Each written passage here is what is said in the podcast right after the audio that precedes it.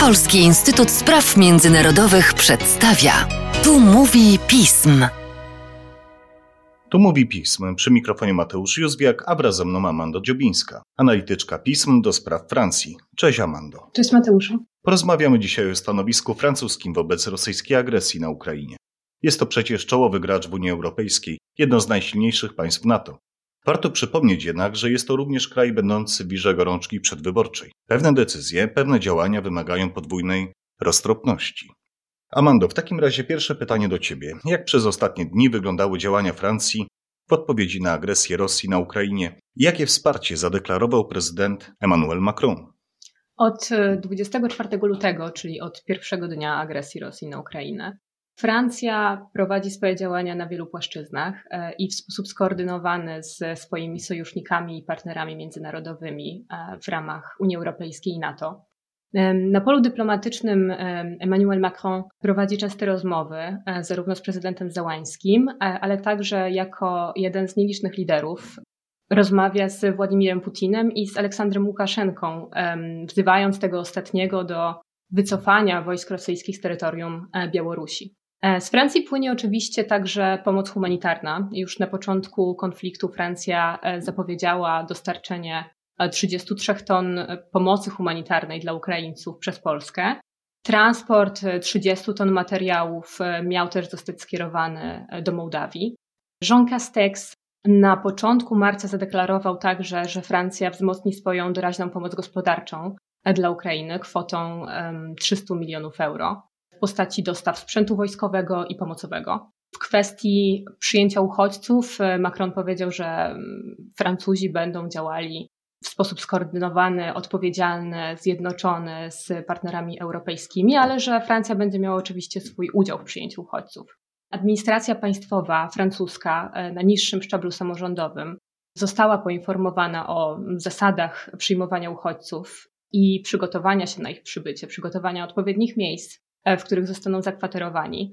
Są w końcu działania na polu gospodarczym. Zdecydowane poparcie Francji dla wykluczenia Rosji z płatności bankowych SWIFT, zajmowanie ruchomości i nieruchomości przedstawicieli elity rosyjskiej, którzy zostali objęci sankcjami na poziomie europejskim. No ale w kwestiach gospodarczych niestety nie wszystko przebiega idealnie. No właśnie, to jest e, temat, który porusza każde państwo europejskie i które zmusza je do szerszej perspektywy. Jak francuska gospodarka zareagowała na wojnę i o jakiej zależności możemy mówić w kontekście rynku rosyjsko-francuskiego? Rosja była i jest istotnym partnerem dla francuskich firm. Francja czerpała korzyści z długoletniej i strategicznej współpracy gospodarczej z tym państwem.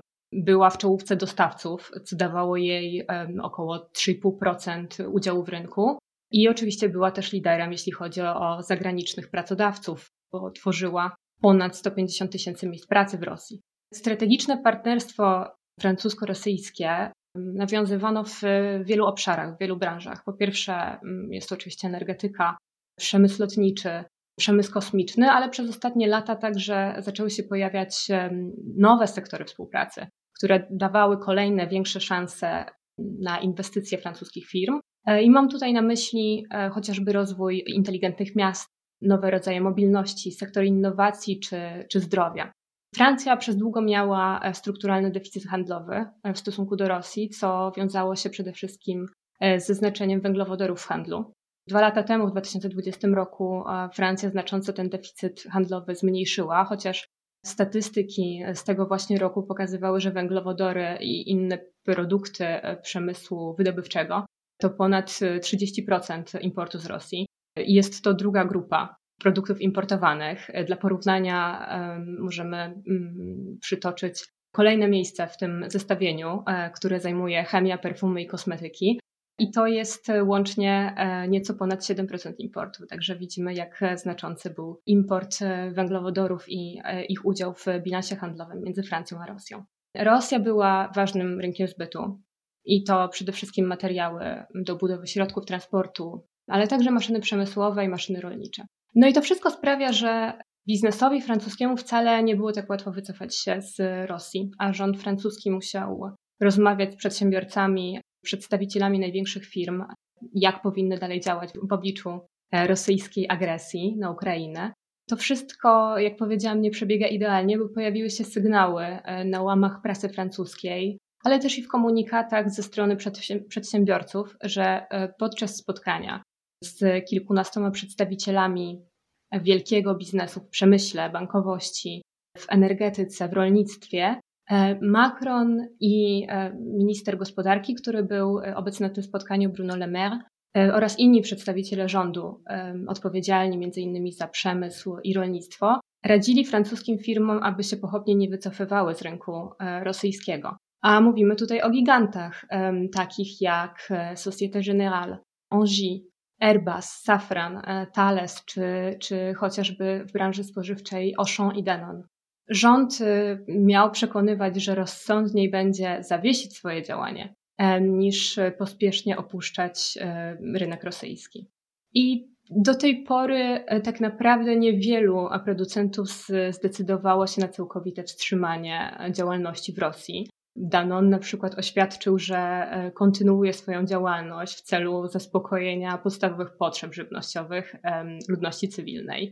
Total Energy wielki koncern paliwowo-energetyczny oznajmił, że nie będzie już e, inwestować e, w nowe projekty swojego kapitału. Total miał blisko 20% udziału w rosyjskim producencie gazu, firmie Nowatek, oraz udziały w jej projektach takich jak Jamał LNG i ARK LNG2. Oczywiście sankcje nałożone na Rosję na poziomie Unii Europejskiej także sprawiają, że w niektórych sektorach, zwłaszcza takich jak lotnictwo i finanse, są e, wymuszone pewne działania i ograniczenie operacji z e, firmami rosyjskimi. Airbus na przykład musiał zawiesić świadczenie usług assistance e, dla rosyjskich linii lotniczych oraz dostaw części zamiennych na ten rynek.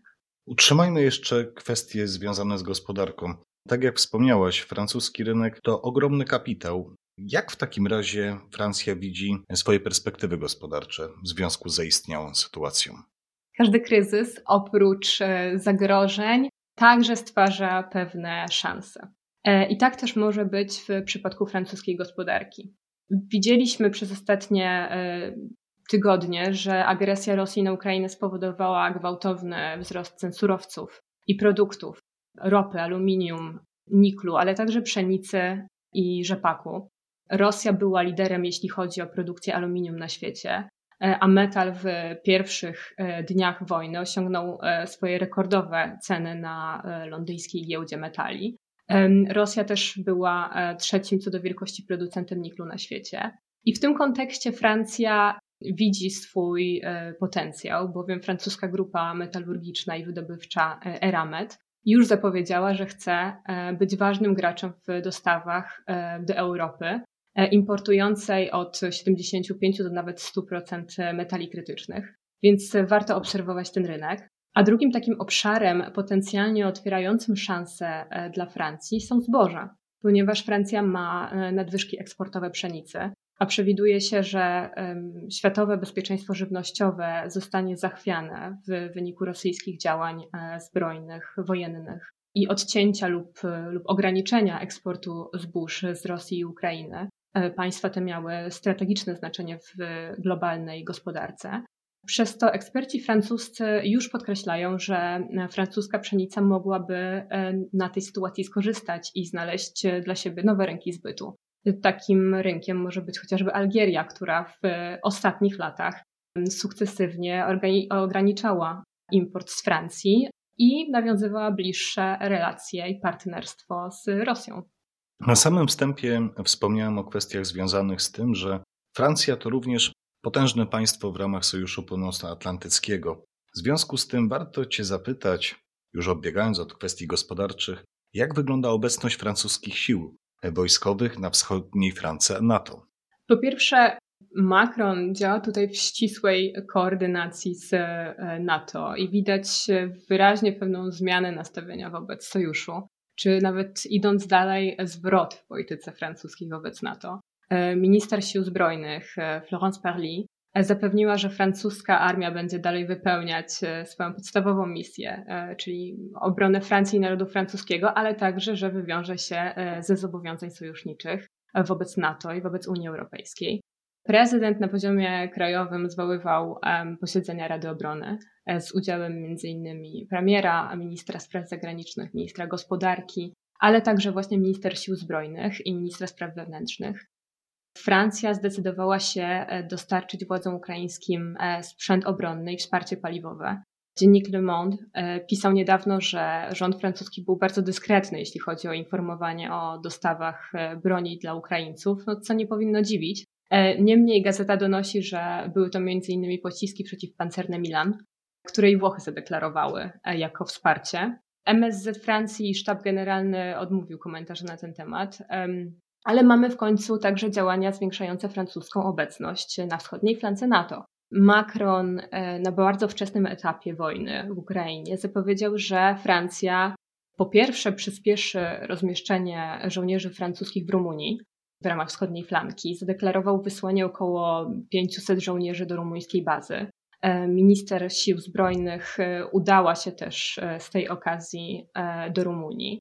Po drugie, Francja zdecydowała się na rozmieszczenie nowego kontyngentu w Estonii, który miał się składać z około 200 żołnierzy piechoty górskiej i czterech samolotów myśliwskich wspieranych przez 100 osób z personelu latającego do estońskiej bazy lotniczej w ramach wzmocnionej, wysuniętej obecności. Ma to wesprzeć obronę przestrzeni powietrznej na Bałtyku, także do e, misji obrony przeciwlotniczej nad terytorium Polski zaangażowane e, zostały patrole myśliwców z Francji.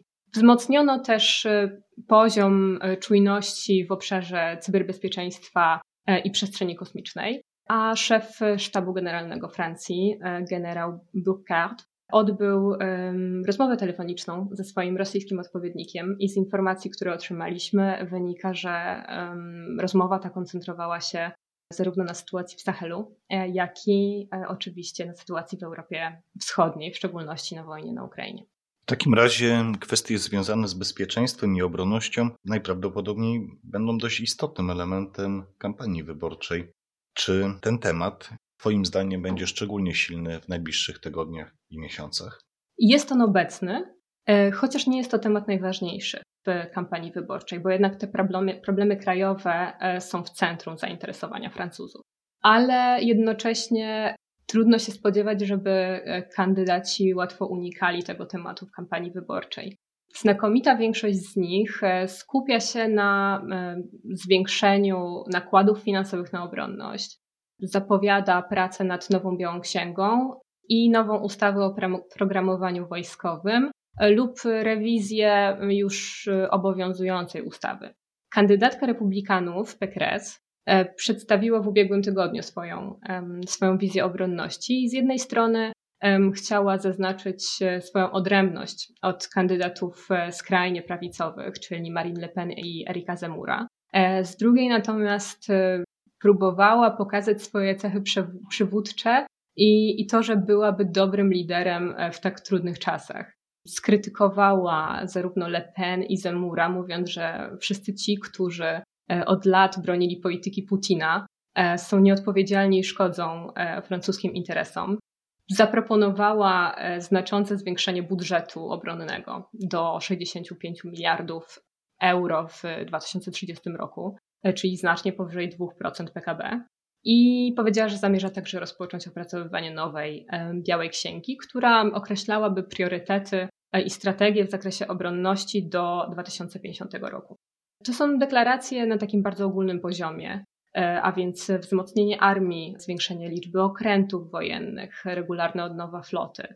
Erik Zemur z kolei chce podnieść budżet obronny do 60 miliardów euro rocznie od 2025 roku, a następnie nawet do 70 miliardów euro.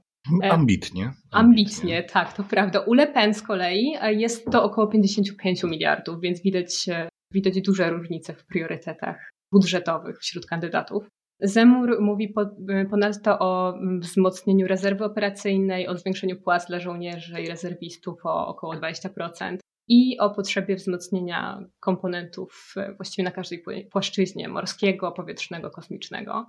W przypadku Annie Delgo, czyli mer Paryża, powiedziała ona, że ustawa o programowaniu wojskowym powinna lepiej odpowiadać e, na nowe zagrożenia, w szczególności w zakresie przestrzeni kosmicznej i cyberbezpieczeństwa. A z takich wyróżniających się postulatów to zadeklarowała wzmocnienie demokratycznej kontroli parlamentu nad zewnętrznymi e, operacjami wojskowymi. Kolejny lewicowy kandydat, czyli Janik Żado, zapowiedział zmiany, które miałyby w lepszy sposób e, dostosowywać strategię obronną do wyzwań związanych ze zmianami klimatycznymi i zmniejszenie zależności armii od paliw kopalnych.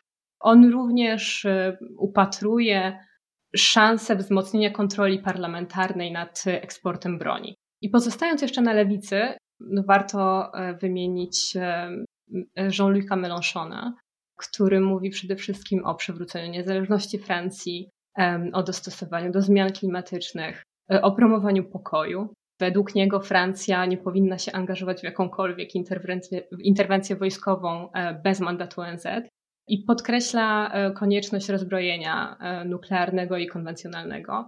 Tak samo zgłasza zastrzeżenia co do obecności Francji w Sojuszu Północnoatlantyckim. Widać więc, że pewne obszary czy tematy w zakresie obronności są dla e, niektórych kandydatów wspólne. A o tym, które z nich w najbliższych miesiącach zaczną być obowiązującymi, będziemy rozmawiać w niedługim czasie. Dziękuję Ci tymczasem, Amando, za dzisiejszy podcast. Dziękuję. A Państwa zaś zachęcam do śledzenia naszej strony internetowej, czytania najnowszych biuletynów i komentarzy, śledzenia mediów społecznościowych, w tym naszego kanału na YouTube. A z mojej strony to już wszystko. Dziękuję za uwagę i do usłyszenia.